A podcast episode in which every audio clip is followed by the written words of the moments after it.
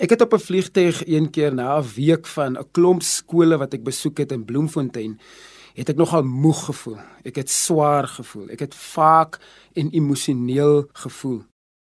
Ek het gewonde, maak die werk wat ek doen as 'n jeugleraar, maak dit ooit 'n verskil?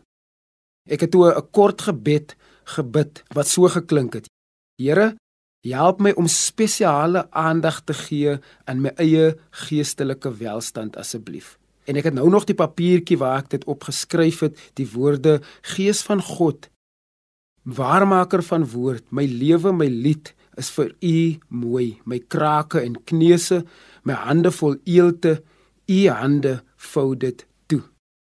My hart en my kop skiet dadelik na Jesus se uitnodiging daar in Matteus 11 vers 28 tot 30 waar hy sê Kom na my toe, julle almal wat moeg is en swaar laste moet dra, en ek sal julle lewens verkoop.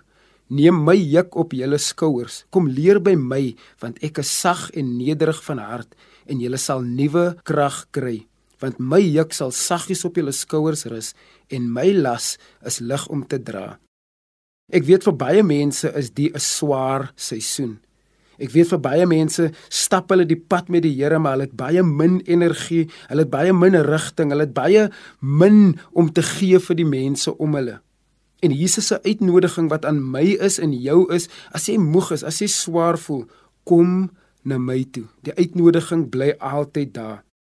Ek wonder of jy nie daai gebed saam met my moet bid wat sê Here, help my om spesiale aandag te gee aan my geestelike welstand sodat ek genoeg kan hê om vir my familie, vir my werk en vir my vriende te hê om te gee. Mag dit vir jou waar wees.